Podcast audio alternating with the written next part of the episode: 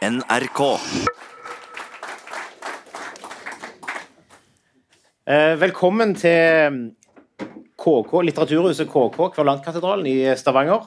I kveld skal vi diskutere ulovlige rusmidler eh, under tittelen 'For alltid'. Eh, vi har altså et panel med oss i dag som består av Knut Reinås, som er leder i Forbundet mot rusgift. Vi har Ina Råd Spinnanger, som er leder i Foreningen tryggere ruspolitikk. Vi har med oss Torbjørn Nærvik, som jobber i Norsk Narkotikapolitiforening. Og vi har med oss Ronny René Nilsen fra LIP Skandinavia. Eh, vi går rett på med oss og spør hva er målet for Hva bør målet være for norsk rusmiddelpolitikk? Knut? Ja, eh, Målet for norsk narkotikapolitikk det må da være at færrest mulig skal bruke narkotika, og at de som bruker det, skal bruke minst mulig. Det er det målet jeg ser for meg. Ina? Ja, jeg synes det blir et helt feil mål. Hvorfor skal færrest mulig bruke rusmidler? Det må jo det være fordi man skal redusere skader og overdoser. Så hvorfor ikke bare ha et mål om å redusere skader og overdoser, øke livskvalitet og helse for de som bruker rusmidler? Og hvorfor er det farlig å ha et sånt mål som eh, det Knut foreslår her? Jo, nettopp fordi at det målet har i så mange år kommet frem som et argument mot så mange viktige skadereduserende tiltak i Norge og overalt i verden. Det er slik at Hvis man foreslår altså alt fra LAR, eh, behandling, eh, utdeling av eh, rene sprøyter, brukerutstyr Nesten samme hva som har vært foreslått gjennom historien, så har liksom motargumentene vært at dette kan føre til økt bruk. Og Da normaliserer vi, og da gjør vi det greit å være rus, eh, altså bruker av ulovlige rusmidler.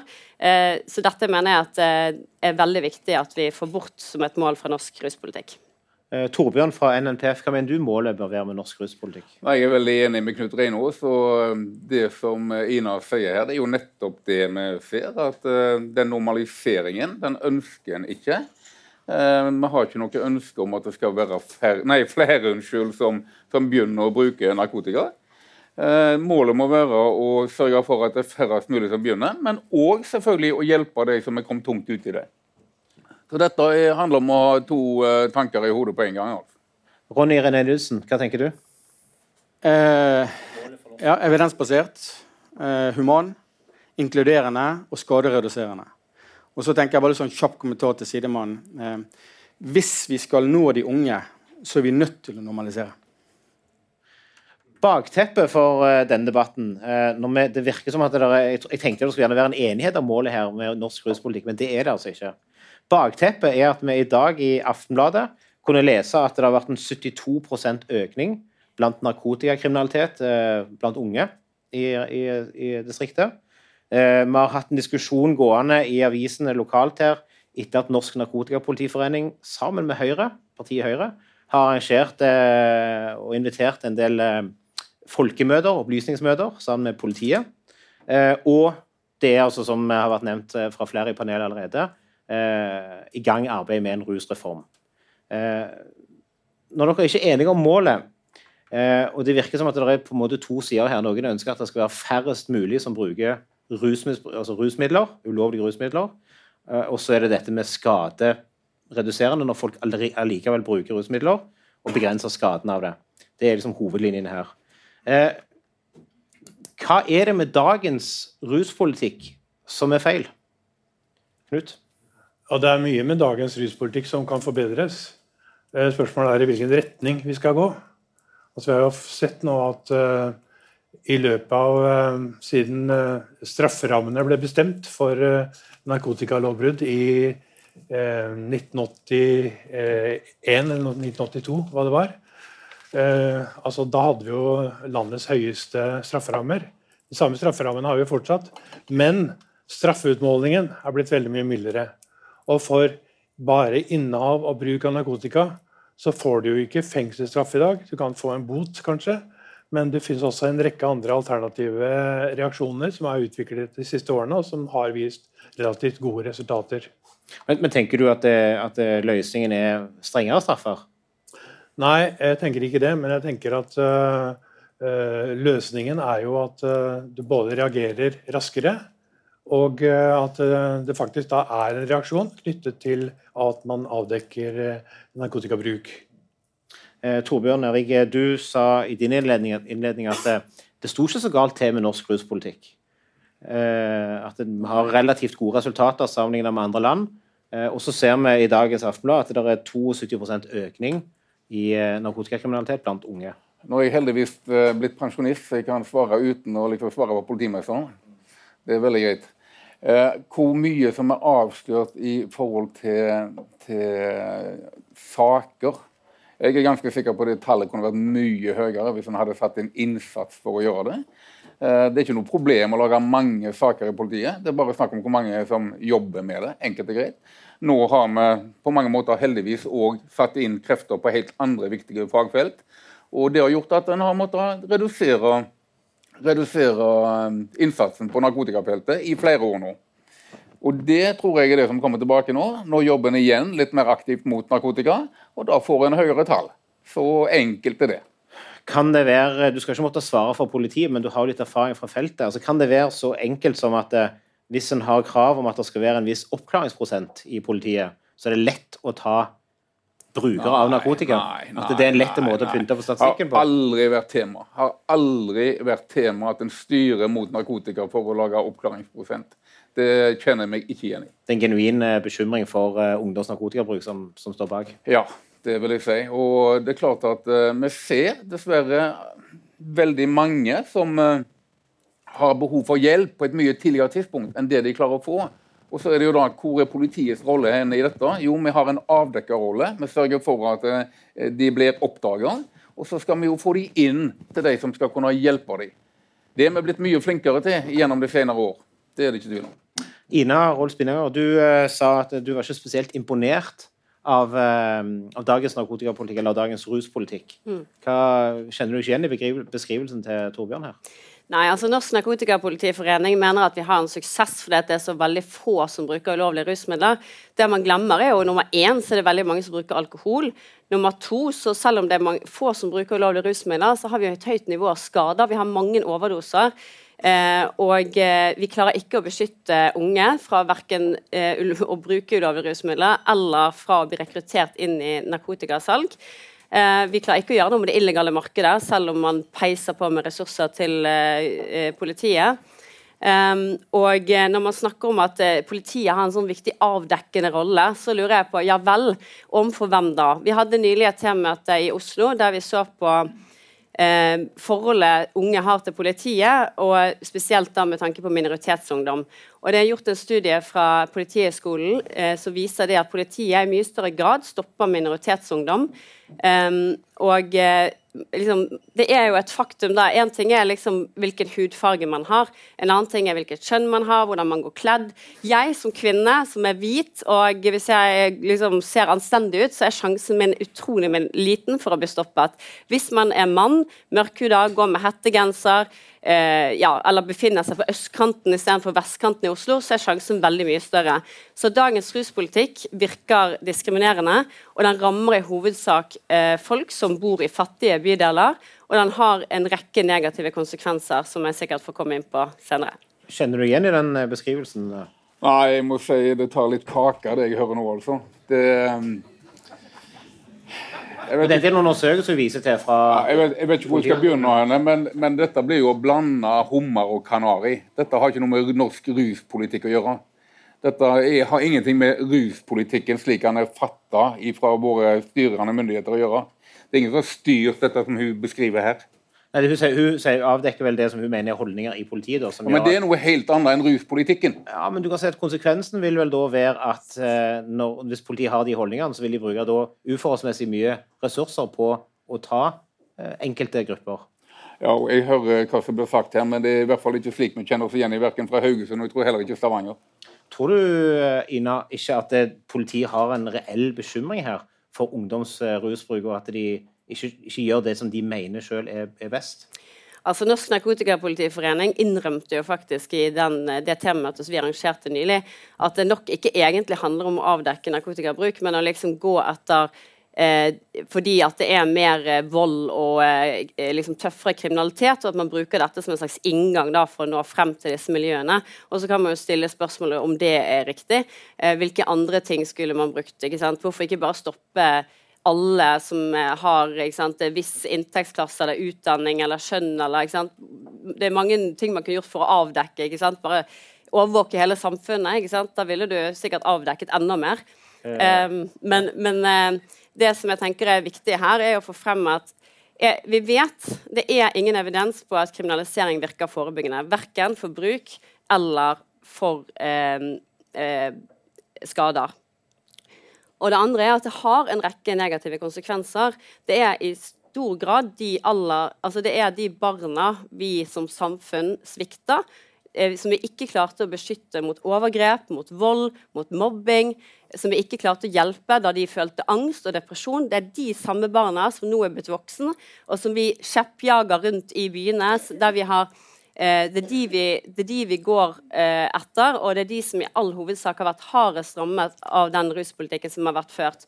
Og så sier Norsk Narkotikapolitiforening at ja, kanskje er det riktig å hjelpe istedenfor å straffe akkurat den gruppen, men vi skal fremdeles, eh, vi vil gjerne straffe, ha muligheten til å straffe alle de andre.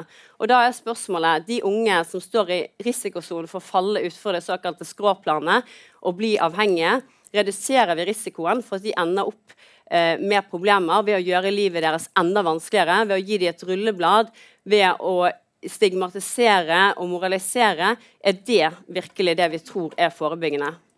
Ronny René Nilsen, du er tidligere politimann. Eh, kjenner du deg igjen i den beskrivelsen til Ine, eller kjenner du deg best igjen i den beskrivelsen til Torbjørn? Jeg, eh, jeg, skal egentlig være litt forsiktig med å bruke egne erfaringer som et sannhetseksempel. men, men um, det dreier seg veldig mye om kultur. Altså, norsk politi ikke, eh, har ikke noen intensjon om å være ond eller ta noen eh, avhengige eller ta noen andre fordi at eh, de bruker narkotika. Det er gjerne ikke det som er bakgrunnen, men poenget er at de har muligheten for det. Og da kommer mange av disse tingene som Ina snakker om, inn.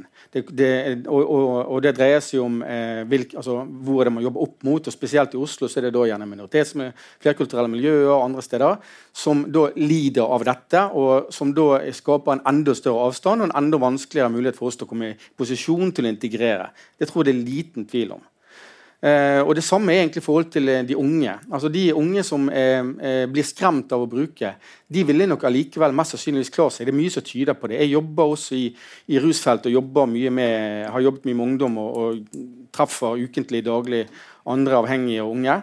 Og eh, eh, Den gruppen vil nok kanskje likevel klare seg. De som vi egentlig ønsker nå, de som, trenger, de som virkelig trenger å hjelpe, de når vi ikke. De får ikke vi tak i. Fordi at de tør ikke, eller eh, av, eh, av, andre grunner så, så, får, så, kommer ikke vi til. Fordi at eh, den politikken vi har hatt, altså forbudspolitikken, eh, hindrer dette.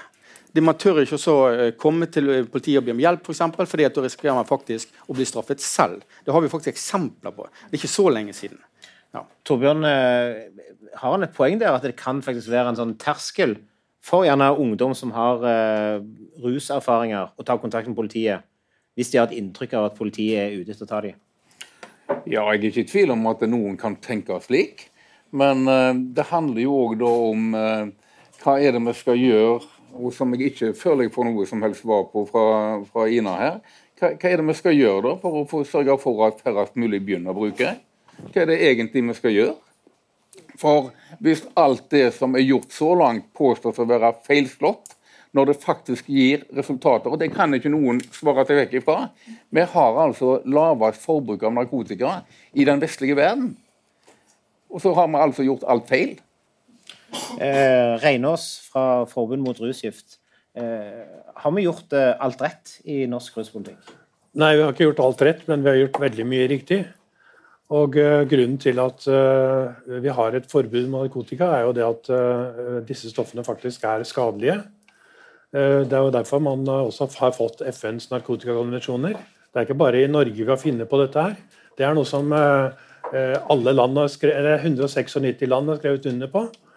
Og det er for så vidt Der er jo ikke alkohol med. vi mener jo for så vidt at alkohol også da bør eh, begrenses i mye større grad enn man får til i dag. Men, eh, så der er vi kanskje enige. Men eh, når det gjelder barn og unge, så er det sånn at det finnes jo mange sårbare ungdommer. Både, på, både hvite ungdommer og, og mørkhudede ungdommer, og, av begge kjønn. Og alle, alle kjønnene er det flere kjønn. Eh, og eh, da kan du si at Jo flere risikofaktorer de blir utsatt for, jo større er sjansen for at de ikke skal greie seg. Og Hvis de først begynner å eksperimentere med narkotika, så er det også viktig at man da kommer tidlig inn. Det er lettere å, å begrense en skade før den utvikler seg til en veldig stor avhengighet og, og slår ut i veldig mye annet. Sånn at uh, det å begynne tidlig, og uh, særlig da i, fordi i ungdomsårene så er det jo slik at uh, da er man ikke utviklet rent, uh, rent uh, hjernemessig, f.eks. Man er ikke utviklet før i ca. 25-årsalderen. Og Det betyr jo at man er mye mer sårbar hvis man begynner tidlig, enn hvis man begynner la oss si, etter, etter man er fylt 20 år, f.eks. Eh, Ina, ja. eh, du fikk en eh, oppfordring nærmest fra Torbjørn her. Nå har du muligheten til å påvirke NNPF sitt Bry deg-program. Hva skal de gjøre for å hindre ungdom i å bruke narkotika? Ja, eh, først så må jeg jo si at det er ikke alltid at det å gjøre noe eh, er bedre enn å gjøre ingenting. Hvis det å gjøre noe forsterker problemene. Og det mener jeg at den politikken vi har hatt i dag, i stor grad gjør. Det gjør det vanskeligere å nå frem med skadeforebyggende informasjon. Det gjør det vanskeligere for folk å oppsøke hjelp. Eh, og eh, man bidrar da til et stigma, et utenforskap, at unge får en kriminell identitet som kan gjøre at man i større grad faller utfor enn om man ikke hadde gjort noen ting som helst. Og Det viser også den studien som jeg refererte til i innledningen, fra Australia, der eh, man så at de som hadde blitt tatt for besittelse av cannabis og blitt møtt med eh, et rulleblad, i større grad var involvert i kriminalitet og brukte mer ulovlige rusmidler og andre rusmidler enn de som ikke hadde blitt møtt med den type reaksjoner. Og så spør man ja, hva kan vi gjøre? Vel, for det første så tenker jeg at Forebygging, Hvis man tenker at forebygging handler om å forebygge rusproblemer og skader eh, som følge av bruk, så er det den problematiske bruken vi må forebygge. Og da er det ikke verken narkotikadager eller politihunder eller alt det der som man tror kanskje har en effekt. Da må man begynne tidlig, gjerne de første leveårene, kanskje allerede mens mamma, nei, barnet er inni magen. Det handler om å forebygge traumer, det handler om å skape trygg tilknytning til sine foreldre. Forebygge mobbing, forebygge alle de bakenforliggende årsakene til at noen utvikler problematisk bruk. Og så skal man selvfølgelig gjøre noe med tilgjengelighet og veldig mye annet, men i all hovedsak så handler det om at det er ikke rusmiddelet i seg selv som er det store problemet, det er alt det andre. Og det vi, tenker jeg også... Du snakker om problematisk bruk her. Altså, de som bruker det til rekreasjon, altså som bruker det en sjelden gang for å, som alternativ til alkohol, f.eks. Eh, hva, hva, vil du gjøre for å forebygge det? da? For det, det er jo flere ungdommer som bruker narkotiske stoffer som gjerne ikke nødvendigvis har den bagasjen som du beskriver her. Mm. Man ser jo det at vestkantungdommen i Oslo f.eks. bruker mer ulovlige rusmidler enn østkantungdommen. Likevel så får de færre problemer. Hvordan kan det stemme hvis det er rusmidler i seg selv som gjør at folk får problemer? Eh, Ronny René, eh, du har bedt om ordet. Nei, Bare en, en, replikk til det. Nå tok jo Ine alle poengene mine, men eh, det er helt OK. Jeg henger med på det. Uh, men uh, vi snakker om risiko. Jeg, der vil jeg gi FMR honnør. ja, det, det, altså det, er riktig oppsummert. Det er risiko. Men vi må stille spørsmålet hva om forbudet i seg selv er en større risiko enn selve bruken? Hva da? Det, det, er den type spørsmål vi er nødt til å begynne å stille oss. Hva legger du i det? Ja, så Hvis det er sånn at kan, Jeg kan ta et eksempel, helt konkret eksempel. Du har en ungdom på 16 år. Han er en, dette, eller, hen en ungdom som er god på, flink på skolen, kanskje idrett, har vært på fest, røyker cannabis, så blir tatt for dette. Mest sannsynligvis ville dette kunne gått veldig veldig bra. Kanskje. Mest, altså, eh, all statistikk og tall vi har, tilsier at de fleste tilfeller så går dette veldig bra. Men så blir han tatt, og så blir han straffet for dette. Da er, har vi en situasjon der forbudet er et større problem enn stoffet i seg sjøl. Hva tenker du ville vært løsningen i en sånn situasjon? Er vi, der er vi på vei. Eh, vi er på vei mot en avkriminalisering av bruk og besittelse. Og det vil ikke lenger være straffbart eh, å, å, gjøre det. For en på 16? Eh, uansett hvem det gjelder. Men, men, jeg kunne godt tenkt meg å få svar på er de for legalisering eller er de ikke for legalisering. Ta en håndsopprekning. De, som i, de som i panelet er for legalisering, rekker kan, kan vi først definere, for Her er det sånn typisk. Her prøver Norsk Narkotikapolitiforening å skyve bort debatten fra avkriminalisering fordi man ser at dette her er en debatt man har tapt. Og så prøver man å få det til å handle om en debatt om legalisering. Og er, hva er legalisering? Hva definerer man det som? Lovliggjøring av salg. Det her er ikke noe jeg i hvert fall har lyst til å si ja sånn eller sånn. Jeg er imot et totalforbud, jeg er imot en legalisering som i USA. Men jeg tenker at her finnes det en måte å tenke hvordan vi kan regulere rusmidler på som er langt tryggere enn i dag, og som ikke nødvendigvis betyr at vi skal ha Colorado-tilstander eller et straffe... Hva legger du, Torbjørn, i, i legalisering? Legalisering er jo frislipp av dette, slik at eh, det blir lovlig å bruke. Mm, altså at du kan selge det i butikker? Ja, og det gjør det ikke ved den såkalte avkriminalisering, men det er helt rett som Knut sier. Det er ikke noe avkriminaliseringsbegrep, egentlig. Det er noe vi har laga. Men, men, når Ina da samtidig sier at det, det, er ikke, det er ikke bruken, men det er den problematiske bruken som er problemet, da ligger det i hvert fall i min oppfatning at en ønsker seg en legalisering.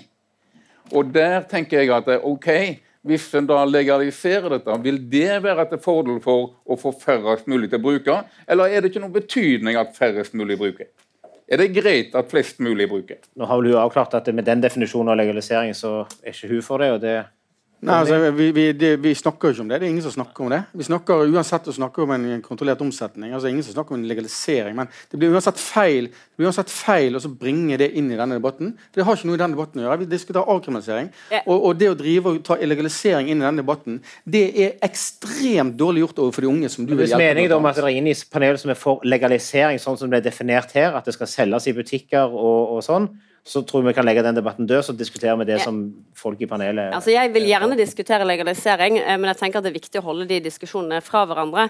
Og Når vi snakker om et frislipp, så tenker jeg hva er et frislipp? Jo, det er et marked med totalt mangel på reguleringer. Og hva er det vi har i dag? Jo, det er et marked totalt med mangel for reguleringer på alle de ulovlige rusmidlene. Og så er spørsmålet ja, ville det vært bedre med kommersielt salg, sånn som man holder på med i USA, der det er lov å holde på med altså man tillater reklame for rusmidler, man, man har eh, cannabis i godteri, eh, man har gjort det veldig tilgjengelig. Er det en bedre modell? Nja, kanskje litt bedre, men ikke veldig mye bedre. Og da tenker jeg Hvis vi skal ha en sånn diskusjon, så må vi gå bort ifra å si for eller mot legalisering. og så må vi begynne å snakke om Hva slags politikk skal vi ha for cannabis? Hva slags politikk skal vi ha for MDMA? Hva slags politikk skal vi ha for heroin og amfetamin og alle de veldig vanedannende stoffene? Og Her kan det være helt ulike svar, eh, avhengig av hvilket rusmiddel vi snakker om. Uh, Reinås, uh, jeg legger merke til at du konsekvent bruker betegnelsen rusgift. Ja. Um, du er ikke enig i at det her skal begynne å differensiere? At noe er mindre farlig enn andre ting? Eh, og Du vil òg ha alkohol inn i den definisjonen på rusgift. Ja. Eh, hvordan ser du for deg da når du skal liksom, fortelle til ungdom at eh, ungdom ikke bruker alkohol, ikke bruker cannabis, ikke bruker ecstasy? Hvis du sier at alt er like farlig, og de prøver noe og finner ut det var ikke så farlig Vi sier ikke at alt er like farlig, men uh, vi sier at uh, men du ønsker ikke å differensiere på noen som helst måte? Altså, uh, Alkohol er et legalt stoff. Mm. Det øh, har en, en, en, politikk som vi må jobbe med separat. Uh, legemidler er en annen type som også da vi, vi, må ha en egen tilnærming til. De illegale narkotiske stoffene de har en egen politikk uh, nettopp fordi at de er, både fordi de er illegale, fordi de er veldig lite utbredt sammenlignet med alkohol og fordi de eh, har en kortere historie i Norge enn det f.eks. alkohol har. Men de er bare illegale så lenge politikerne sier de er illegale? Ja, det er de. Og det er ikke noe prinsippspørsmål at det skal være et forbud. Det er et hensiktsmessighetsspørsmål. Uh, men jeg har lyst til å komme tilbake til uh, noe av det som, som Ina liksom sier her. Hvis vi tar et, folkehelseperspektiv på dette her, så er det klart at hvis noen bruker narkotika, så vil noen få problemer. Hvis mange bruker narkotika, så vil mange flere få problemer. Det er liksom det som er eh, noe av poenget. Og når Ina liksom eh, henviser til vestkanten i Oslo, at det er færre problemer der Det er færre problemer, men det er også større ressurser og sånn, å bygge rundt en enkelt ungdom enn det er f.eks. på østkanten i Oslo. Hvis du bor i et uh, trangbodd uh, strøk med Ehm, fattigdom og med kriminelle gjenger rundt omkring, så er altså risikomomentene veldig mye større. Og hvis du da i tillegg da legger til narkotika, så får du enda et moment. Mm. Som kan være det som da bringer eh, Altså at du får det over stupet. Hvis du nettopp har skrudd på P2, så hører du nå på en debatt om eh, ruspolitikk. Om ulovlige rusmidler. Eh, om de skal være ulovlige for alltid. Eh, og Den blir sendt fra Litteraturhuset KK Kvervlandkatedralen i Stavanger. I panelet så har vi med oss Knut Reinås i Forbundet mot rusgift. Vi har med oss Ina Rolf Spinnanger, som er leder i Foreningen tryggere ruspolitikk. Og vi har med oss eh, Svein, nei, Torbjørn Nervik, eh, som, er, som, er, med i eh, Norsk Narkotikapolitiforening. Og vi har med oss Ronny René Nilsen fra LIP. Eh, vi var nå nettopp inne på dette spørsmålet, altså det som du er inne på, dette med at det, det er ressurser rundt den enkelte. At det kan forklare noe av eh, forskjellen eh, på problemene. Ina, har du et svar på det? Altså Det stemmer det at vestkantungdommen får en mye tettere oppfølging enn østkantungdommen. Eh, men, eh, og det tenker jeg er liksom paradoksalt i seg selv, men det betyr jo òg at de som er mest utsatt, de som kanskje kommer fra fattige hjem og som eh, ja, er i risikosonen for å utvikle rusproblemer, det er de samme unge som vi nå straffer, som vi gir et rulleblad, som vi gjør livet enda vanskeligere til med dagens politikk. Vi skulle gjerne sett at disse ungdommene ble møtt med hjelp, og der det ikke nødvendigvis var liksom trussel om at hvis ikke du klarer å slutte med cannabis, så får du et rulleblad men at det var en helt annen tilnærming der det handler om å hjelpe dem til å få et bedre liv, sånn som man bl.a. gjør i Portugal. Og det, bare for å si det en ting da, I dag så tror du at hvis du har en ungdom som bruker cannabis, da har du suksess hvis du da noen uker etterpå eller måneder eller et år etterpå har en ungdom som ikke bruker cannabis. Så er liksom alt fiksa. Men det gjør oss blind for de egentlige problemene. For det vi bør spørre oss, det er hvorfor bruker unge cannabis? Er det fordi at han føler stress, eller hun? Er det fordi man har angst? Er det en form for selvmedisinering, eller er det bare fordi man ønsker å søke spenning eller nytelse? Og hvis det er problemer som ligger bak, så vet vi ingenting om de problemene har blitt fikset, selv om personen har sluttet å bruke cannabis. Så i dag så kan du ha unge som sliter med angst, bruker cannabis, mener at det fungerer, og så får du de til å slutte ved hjelp av trusler om straff og urinprøver osv. Og, så og så slutter de med cannabis, men du vet ikke om livene deres har blitt bedre. Kanskje de har begynt å bruke eh, syntetiske varianter, kanskje de har begynt å drikke alkohol. Kanskje angstproblemene er blitt enda verre. Vi måler feile ting. Men hvem tenker du skal avdekke dette? Altså hvis, hvis du får gjennomslag for din politikk, mm. så vil politiet ikke ha noe særlig med dette området å gjøre. Da er det stort sett helsevesenet. Men hvem er det som treffer ungdommen på gata, og hvem er det som treffer de i skolegården? Altså Her er det veldig mange som vil kunne gripe inn, og det, sånn er det jo i dag også. Helsesøstre, lærere, barnehage, men også politiet. Det vil ikke være noen forandring med den rusreformen som er, som er varsla. Da er det fremdeles slik at politiet vil kunne møte unge og sende de til eh, enten en kommisjon eller hva det nå blir. Men man vil altså bli møtt med hjelpetiltak framfor eh, å gi kriminalisering. Og, og, jeg lurer på, hva, hva, mener man, eh, Ville det vært riktig hvis vi skulle forebygge alkoholisme? Skal vi da si at alle dere som sitter her og tar en øl, dere liksom, er med på å skape alkoholisme i samfunnet fordi det er liksom signaleffekten? Eh, og, og, Skulle vi da ha kriminalisert eh, de som f.eks. er under 18, da, gi det et rulleblad, ville det ha virket forebyggende? Av og til så har vi en idé som er veldig forskjellig om hva som er forebygging når vi snakker om ulovlige rusmidler og når vi snakker om det legale, og det må vi bort fra før du tar alle poengene til Ronny René her, så tenker jeg at han må få slippe til, han òg. ja, ja, det er fint, det. Jeg sitter og koser meg. Eh, men altså, det, det, altså, eh, politiet vil uansett eh, som oftest være en type førstemann på åstedet i den type saker. Uansett. Men er det et åsted hvis det er avkriminalisert? Ja, ja, men jeg bare, som en type, sant, for hermetegn, for å forklare litt hva, hva det menes da. Så, det, så det, det, er ingenting i veien for at politiet fortsatt skal eh, eller, eller, Politiet blir jo en del av dette, men eh, det som er spørsmålet, er jo hva, hva, eh, hvilken del skal de være? Hva, hva, er det de skal gjøre?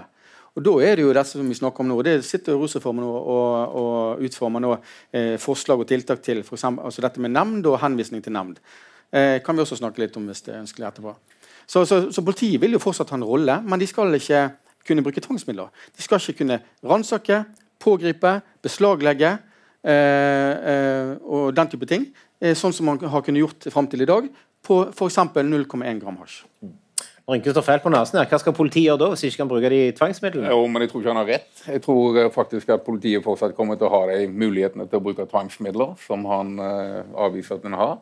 Uh, det tror jeg vil bli en nødvendighet, for ellers vil det ikke være mulig å avdekke disse tingene som en uh, sier her.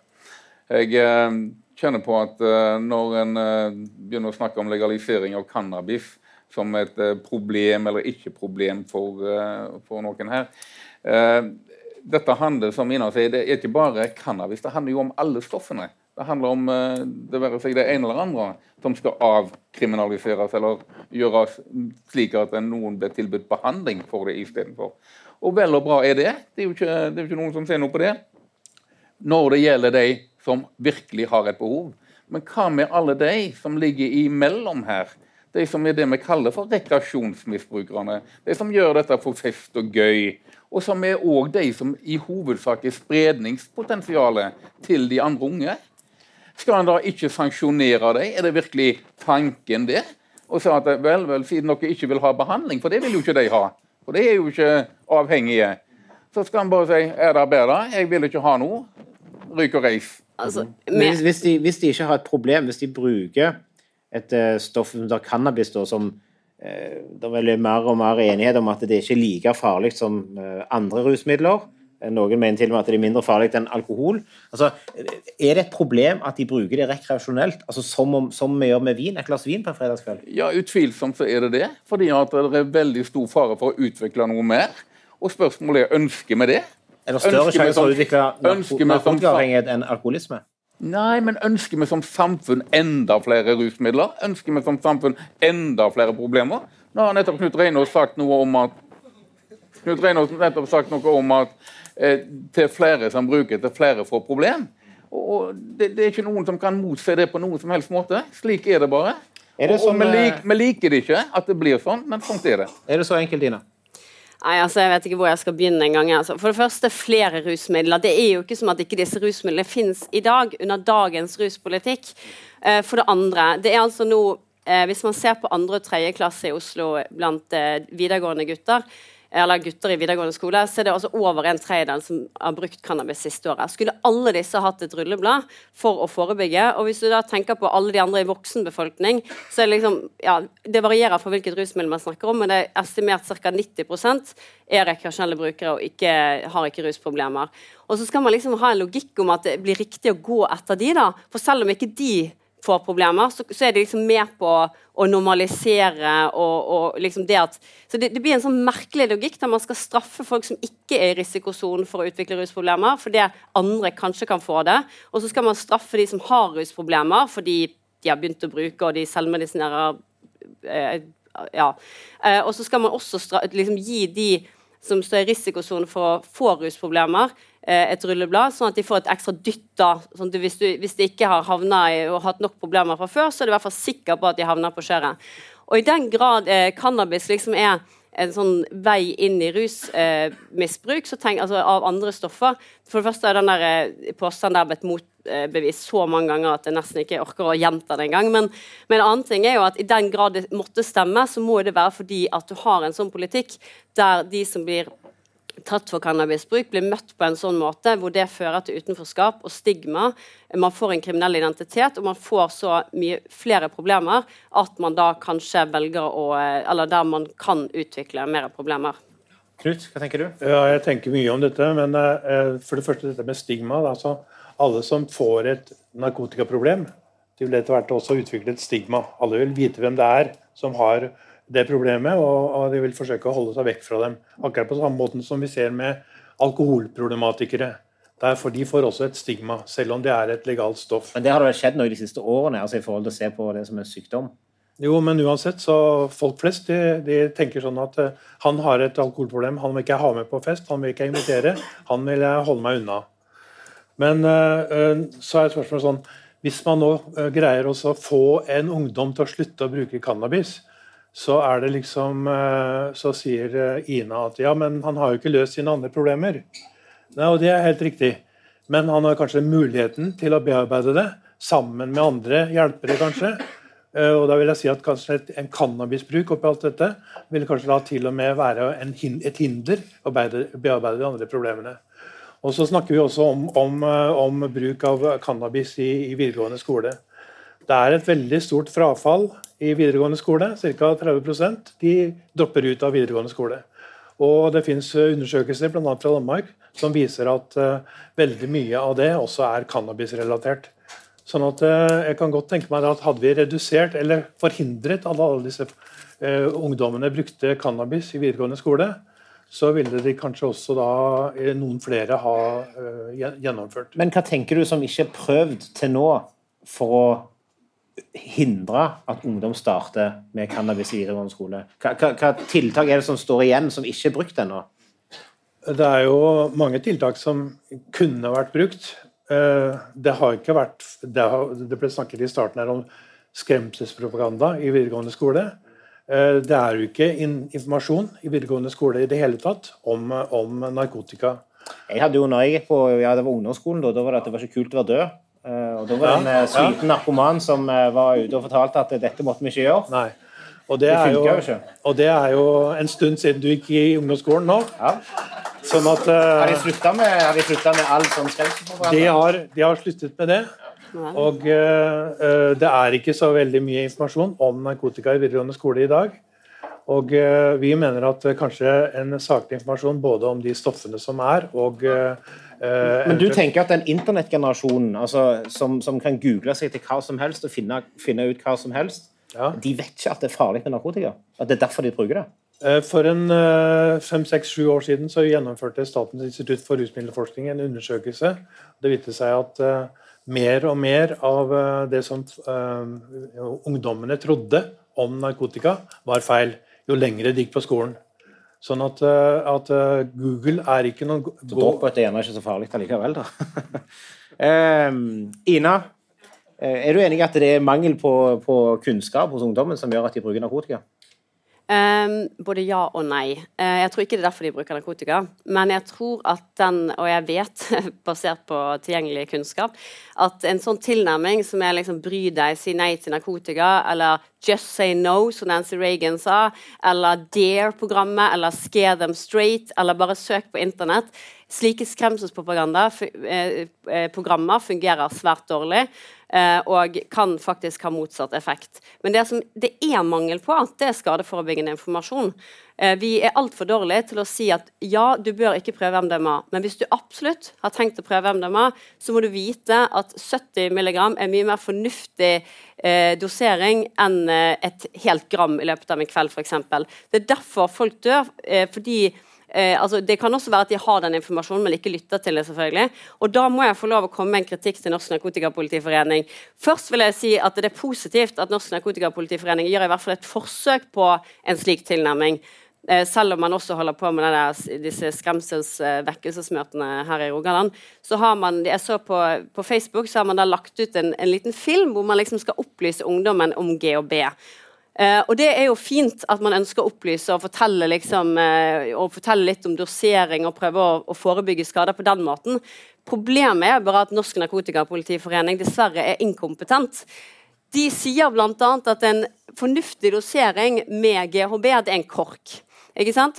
Men hvor mye er en kork? Det kan variere veldig. Det kan være alt fra én brukerdose til fem brukerdoser. I verste fall så er det en dødelig dose. Og det går Norsk Narkotikapolitiforening ut med på sosiale medier. De sier ingenting om at GHB er farlig å kombinere med alkohol. Og Det er også en veldig viktig informasjon for de unge å ha. Så vi trenger skadeforebyggende informasjon, men de må bli gitt av personer som har kompetanse på området, og det er dessverre ikke Norsk Narkotikapolitiforening sitt område. Har du noen kommentarer til det, Torbjørn? er, det, er, det, er det riktig at dere skal gå ut med rusinformasjon? Ja, nå Bare for å si det som gjelder den skremselspropagandaen som hun viser til her, da, og antar hun sikter til folkemøtene som vi har hatt her, så har jo det vært eh, retta imot foreldre, altså mot voksne. Og det kan godt være at eh, en del av informasjonen som vi forteller i forbindelse med slike møter, oppleves som skremmende. Men jeg våger påstanden, og har vært med på mange av disse møtene etter hvert, vi sier ikke noe annet enn den virkeligheten vi faktisk opplever uti her. Og hvis Ina syns den er skremsel, så får hun bare mene det. Men vi mener faktisk at uh, voksne folk og foreldre ute her bør ha litt mer kunnskap om den virkeligheten som er ute her. Nå refererer Ina stadig vekk til Oslo og kjempeproblemer på vestkant og østkant. Nei, jeg tror ikke at det er så veldig mange her som har hatt lyst til å gå gjennom Vaterland og Grønland klokka ti på kvelden i Oslo. Det er en helt, helt annen verden enn det du opplever i Stavanger, og i hvert fall det du opplever i Finnmark. Men Tenker du det skyldes cannabisbruk? Det skyldes slett ikke bare cannabisbruk, det skyldes veldig mye annet. Men det skyldes veldig mye rusmisbruk. Det gjør det. Og rusmisbruk eskalerer òg da veldig mange andre ting. Eh, andre kriminalitetsformer. Og skal ikke være megaforsker for å skjønne det. Men, men, nå er det jo litt sånn eh, Diskusjonen har vært eh, litt på at det, hvis du skal kjøpe f.eks. cannabis, så må du gå til noen som driver med det ulovlig, som da sannsynligvis har et annet arsenal med andre ting. Kan du ikke prøve det? Kan du ikke prøve det? Hadde du klart å regulere det på en annen måte, så hadde de sluppet godt til de miljøene. Et annet argument ville jo også vært at eh, når du først har kjøpt cannabis, er du kriminell. Hvorfor kan du ikke gjøre andre ting òg? Det er jo like gale. Ja, det kan du godt si. Eh, men det er en prinsippsak å velge. Vi må gjøre et valg i dette. Vi ønsker altså ikke flere rusmidler tilgjengelig. Vi ønsker ikke flere som skal bli avhengig av rus, det være seg alkohol eller cannabis eller andre stoffer. Og det er klart at eh, Hvis du skal ta den greia der, så er det neste leddet OK. Hvis vi da tillater cannabis, så er det jo er det amfetamin og så er det ecstasy. eller hva, hva er liksom enden da? Da er det i grunnen full legalisering som er, er, svaret på det.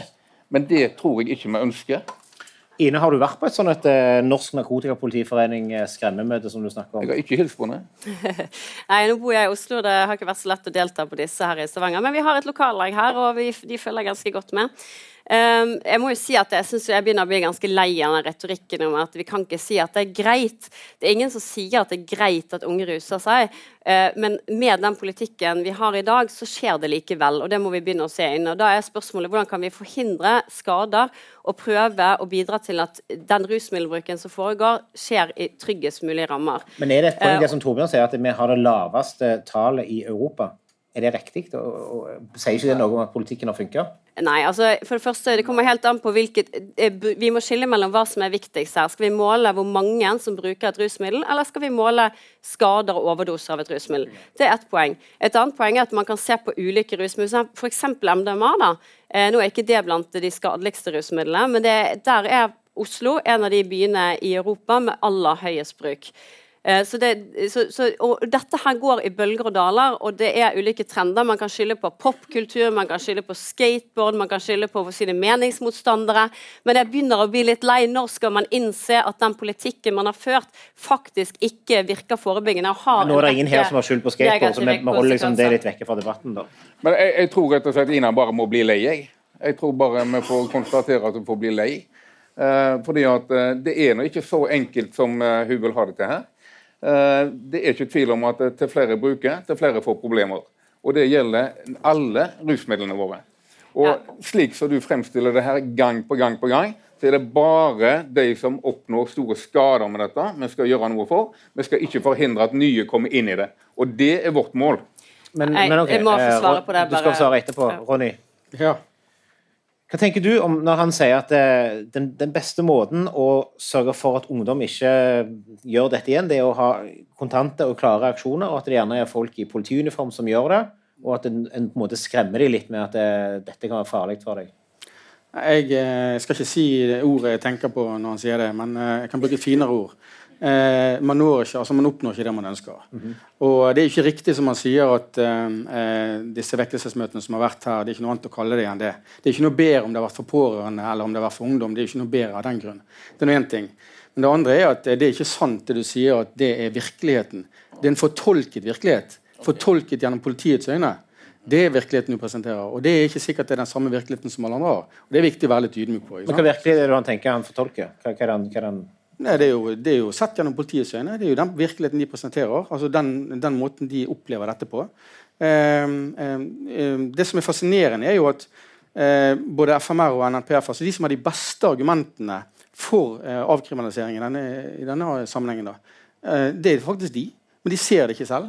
Eh, sånn som Knut Reiner sier her, at dette med stigmatisering Hvis vi skal ta det som Joe Paulo, jeg husker ikke helt navnet hans, men han som har da kalles for faren av Portugal-modellen, han har sagt at det viktigste de fikk ut av reformen, av alt, det var avstigmatisering. Tenker du det, Knut, at, eh, at, hvis du fortsetter den forbudslinja og snakker stygt om rusmidler og sånt, at du bidrar til den stigmatiseringen som du vil til livs? Nei, altså for det første, Vi har jo da, i hvert fall blant ungdom, den laveste forbruksfrekvensen i Europa. Og Det må vi være fornøyd med. Og eh, vi ser også at, eh, at forbudet har en allmennpreventiv effekt På samme måten som f.eks. Uh, promillelovgivningen altså har det når det gjelder å forhindre promillekjøring. Altså det er helt klart at vi har, forbudet har en funksjon. Nei. Den... Har det ikke en funksjon? Nei. Det er altså, for å gjenta det, det er ingen evidens som viser at forebygging i form av kriminalisering av rusbrukere har en forebyggende effekt, verken på bruk eller på skader. Og Jeg vil gjerne se at du har noen dokumentasjon på den påstanden. Eh, for dette her er noe som har vært slengt frem i så mange debatter, og jeg ser ennå ikke at det har kommet noen dokumentasjon. Og så ble det sagt at Jo flere som bruker, jo, flere, jo mer problematisk bruk vil man få. Og Det er også et veldig vanlig argument. Men hvis man ser f.eks. til den studien som jeg refererte til tidligere i dag fra USA, der det har blitt flere som bruker cannabis, men andelen problematiske brukere har ikke gått opp. Så da lurer jeg på om det alltid stemmer. Og til slutt, når man sier at det skal ikke være greit, nei, selvfølgelig ikke. Ingen ønsker at unge mennesker eller sårbare individer skal ruse seg. Eh, og det er noe vi må forebygge. Men vi forebygger altså ikke ved å kriminalisere. Vi må bruke helt andre virkemidler. Vi må jobbe for å eh, redusere, altså jobbe med de bakenforliggende årsakene til at folk får rusproblemer. Og jeg vil også stille spørsmålet til, eh, min, for, til både Forbundet mot rusgift og Norsk Narkotikapolitiforening. Altså, Syns dere det er greit at unge bruker alkohol? Eh, er det greit, siden ikke vi kriminaliserer de, eller burde vi egentlig ha gitt de et rulleblad, de også? Alle unge som bruker alkohol før de er 18 år gamle. Torbjørn først. Nei, vi har ikke noe kultur for å gjøre det. Og vi har altså et lovlig rusmiddel i form av alkohol. Men det er jo aldersgrenser? Altså... Ja da, og det er aldersgrenser. Men det er ikke aldersgrenser som kriminaliserer den ungdommen som er under 18 år drikker. Burde det vært det? Nei, det vet jeg ikke. Det kan godt være, at, eh, det kan, godt være at det kan diskuteres. Men som jeg sa, at de som da er ute i en problematisk atferd, og med alkohol, bør selvfølgelig få hjelp til å unngå å komme langt inn i det. Men hvis du skal følge logikken din fra narkotikaholdningen, altså med at du skal kunne ha en, en avdekkende rolle, og at du skal kunne sette noen eksempler eh, i forhold til at eh, gjerne en 15-16-åring prøver cannabis for første gang, og så kan dere gjerne redde dem da, ikke sant? Da. hvorfor skal du ikke kunne bruke samme argumentet på alkohol? For alltid alt tilføyer at det som kommer i tillegg til alkohol, det kommer i tillegg til alkohol, og som problemer. Og det er klart at Hvis en ønsker da flere rusmidler, flere valg av rusmidler, så er i hvert fall vår oppfatning at da risikerer vi større samfunnsmessige problemer. Ok, Knut? Ja, Vi har uh, sagt at uh, aldersgrensa for uh, alkohol faktisk da bør heves. Den er jo i 21 år i, i um, i USA, i alle stater. Og uh, vi mener i hvert fall at den bør heves til uh, eh, 20 år for øl og vin, sånn som den er for brennevin. Uh, det kan være med på å redusere bruken noe ved at man Er det noe forskning som støtter at det reduserer bruken? Ja, så den Forskningen fra USA, da, altså evalueringen av den endringen, viser at forbruket av Eller debutalderen gikk opp etter at man hadde hevet uh, aldersgrensen. Men Med den alkoholkulturen som er i Norge, og spesielt blant ungdom, ja. Eh, ville det hatt en effekt at det var 20 år på øl og vin? Er det, er liksom, er det aldersgrenser som gjør at de begynner når de er 16? 15, altså Aldersgrensene er et regulatorisk virkemiddel, og så finnes det også andre virkemidler som også bruker. Altså det er klart at eh, Så lenge ikke dette har noen effekt, og at foreldrene syns det er greit, så, og politiet griper ikke inn. og, og eh, da er det klart at da, eh, da, har det ikke så veldig stor eh, effekt. Men altså hvis vi hadde bestemt oss for at nå skal vi begrense fylla blant ungdom, så hadde vi kanskje kunnet oppnå noe. Men nå er vi der at nå er det narkotikaen en skal begrense, så, så er det alkoholen kommer litt tilbake. Ikke sant? Her, Men da viser vi, ja, og, og da er det også sånn at uh, Ca. 80% av alle forbrukssituasjoner hvor man bruker cannabis, der bruker man også alkohol. Altså De to går sammen, ikke hver for seg. Ja, det, det, vil jeg protestere mot, at vi finner så veldig mye gode eh, dokumentasjons, eller godt dokumentasjonsgrunnlag for. Man ser f.eks. i statene der man har eh, legalisert cannabis, at eh, alkoholkonsumet har gått ned i enkelte stater. Ikke i Colorado, kanskje, for der har det vært mye turisme og andre ting som spiller inn. Men dette er noe av det jeg tenker vi trenger mer Eh, kunnskap om. Jeg tror også det varierer, for man snakker liksom om narkotika er bare en sekkebetegnelse på rusmidler som av ulike grunner har blitt ulovlige. De aller fleste grunner har vært rasistisk motivert og politisk motivert, men det trenger vi kanskje, det vet vel gjerne folk. Men, men altså det Eh, jeg tror det, for eksempel kokainbrukere. Det kan godt hende at det ofte er i kombinasjon med alkohol, og at det til og med øker bruken av alkohol. Jeg tror For psykedelikabrukere så tror jeg nok det brukes langt mindre alkohol. Eh, hvis det snakkes om cannabis, så tror jeg det vil variere veldig ut ifra hva slags subkultur man snakker om. Men her er en på troing, egentlig. Så- ikke sant? Som ja, ikke sant? eh, Så, men men ikke sant? Her, er det, her er det liksom en påstand om at alt bare kommer i tillegg, og det er en påstand jeg syns vi mangler evidens for. for Det har vi faktisk evidens for i Norge. Og det, altså Norsk undersøkelse viser det. Og derfor så behøver Hva viser norsk norske undersøkelser? Hva slags Den viser at 80 av alle forbrukssituasjoner hvor det brukes cannabis, der brukes det også alkohol. Og hva undersøkelse er det? Det er en undersøkelse fra Statens institutt for rusmiddelforskning. På ungdom, Ja, men- eller på, På ungdom. befolkningen generelt? Og her har man, For det første så er det cannabis og alkohol, og for det andre så har man glemt å spørre Én ting er at du drikker alkohol og bruker cannabis, men jeg har glemt å spørre hvor mye drikker du når du bruker cannabis. Og det er faktisk ganske vesentlig, for det kan hende at du fremdeles drikker mens du bruker cannabis. At samme personer gjør begge deler. At ikke du har sluttet å drikke alkohol fordi du begynte med cannabis. Men det er ganske viktig å stille spørsmålet drikker du like mye som før. Drikker du mindre enn før? Drikker du mer enn før? Det er en del ting man har glemt å stille spørsmål ved i den undersøkelsen du refererer, refererer til der. Torbjørn, Ja. Tenker du om eh, denne diskusjonen som har vært nå i forhold til alkohol og eh, narkotika? Altså, jo, du, du sa nettopp at det har vært en forskjell, og det er en forskjell i norsk kultur i forhold til det. sånn som det er. Er du bekymra for at eh, snakket som Den diskusjonen som er nå, debatten som er nå, eh, at den fører til at ungdom føler at det nå er det greiere å ruse seg på narkotika? Og, og, er svaret da at en burde ikke diskutert det? Ja, Tilbakemeldingene er jo det at eh, vi hører ungdom før at den debatten som går nå, det er på mange måter med på ja, hva skal jeg si, at de føler at det er mer normalt enn det det var før. Jeg var så sent som i går og hadde et folkemøte i, Haug, i Haugesund.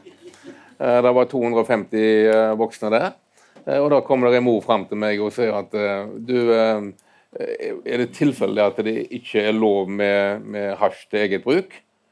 Ja, det var vel det jeg sa. Eh, Ja, for du skjønner, han sønnen min hjemme han sier det at eh, til eget bruk er det greit, men å selge det er ikke lov. Ja, da må du gå hjem og justere den, var mitt svar selvfølgelig. For det er ikke tvil om at det er nok eh, en del som i forbindelse med denne debatten som går nå, og spesielt med begrepet avkriminalisering, som vi i Norsk Narkotikapolitiforening ikke bruker og ikke liker, så er det slik at en del ungdommer oppfatter dette på en annen måte enn det de burde gjøre. Men, men eh, Ine hadde et, eh, et innspill her på dette med, med frislepp. Altså I dag så er det helt uregulert narkotikamarked, med unntak av at det er forbudt. Men det er ikke noen aldersgrenser, det er ikke noe testing, det er ingen sånne ting som det. Mener du at det kunne vært altså, et poeng at det var en, en viss regulering av det, eller syns du at det, sånn som det er i dag, der det ikke er noen regulering bortsett fra at det er forbudt, at det funker? Jo, men eh, det har vist seg å funke. og Det er derfor vi har, tror jeg, kanskje Europas laveste forbruk blant ungdom. Eh, Det er nettopp fordi at òg forbud har en veldig normdannende effekt, som det har i veldig mange andre straffebud som vi opererer i. Eh, Det er ikke slik så enkelt at en bare kan si at aldersgrenser vil hjelpe på dette. Eh, Og gå andre delen, som ofte er debattert, er jo den organiserte kriminaliteten forsvinner dersom en legaliserer det. Det, det skjer ikke, det. Det er det som er dessverre slik har vist seg òg fra disse statene som hun stadig vekk viser til her. Det viser seg at den organiserte kriminaliteten er minst like levende som den var tidligere. Kanskje enda mer. Om nå snakker om USA. Ja. Ja. Man sier sammenlignet med USA i og med at det er stater rundt de statene som eh, fortsatt har forbud. Um, min utfordring er jo altså Nå har vi snakket mye om de som har problemer, og rusavhengighet og sånt. Men uh, hvis jeg som en snart uh, 40 år gammel mann eh, med fast jobb, sikker inntekt Hvis jeg har lyst til å røyke cannabis en helg i, i måneden hjemme i min egen eh, bolig uten å sjenere andre, jeg går ikke på byen eller noe sånt som det, hvorfor skal jeg ikke få lov til det? Nei, fordi at samfunnet ser at eh, som norm så er ikke det greit. Men om du gjør det, så er det nok ingen som klarer å løpe etter deg og gjøre noe så veldig Det gjør de jo, for politiet, Ja, politiet ja. går jo inn når de kjenner en lukt, så går de jo Ja, ja, Det har skjedd i Stavanger nå nettopp, det. Mm. det har de jo gjort, altså. De, de har gått inn basert på det, altså. Å ja da, det har, eh, det har en ganske sikkert gjort. Og De har skrevet det på Twitter det kaller vi med. for friske spor med. Ja. Ja. Og syns du det er greit? Ja, jeg syns det er greit. Ja. Fordi at vi har som samfunn bestemt at det ikke er greit. Men det er er jo sirkelargumentasjon. altså Fordi at det er forbudt, så bør det fortsatt være forbudt. Ja, det kan du godt si. Og så er det slik at det høres ut som f.eks. cannabis er ufarlig. Det er da jeg begynner å lure på har en lest seg opp på hva det faktisk er. Det er ikke ufarlig.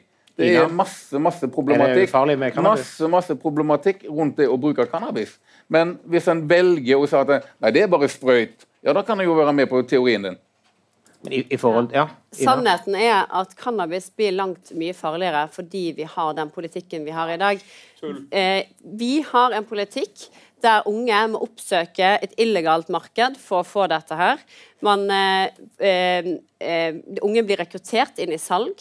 Eh, man, vet man har ingen mulighet for å regulere styrkenivået. altså Da tenker jeg ikke bare THC-nivå, men balanse mellom THC og CBD. Um, man har ingen mulighet for å teste hva det gjelder spesielt andre stoffer enn cannabis, men teste hva det man har kjøpt inneholder. Og I tillegg så har vi da sånne som Norsk Narkotikapolitiforening, som inngår samarbeid med utesteder, sånn at folk er livredd for å kontakte vakter på utesteder hvis man har tatt for mye av et eller annet stoff, eller blir redd, fordi man er redd for at da blir politiet koblet inn. Eh, og Det fører til flere skader. Så Det er altså dagens ruspolitikk som gjør at disse stoffene blir farligere enn de trenger å være. og Da er ikke løsningen å fortsette med samme medisin som før, da må vi begynne å tenke nytt. Og basere oss på kunnskap. Det siste ordet i denne debatten. Eh, det blir ikke siste debatten. Eh, vi er så vidt kommet i gang med den diskusjonen som skal være om, om rusreformen som kommer. Sikker på at vi kommer til å høre mye fra dere framover om dette. Jeg vil si Tusen takk for at dere kom i dag. Takk, en applaus til panelet.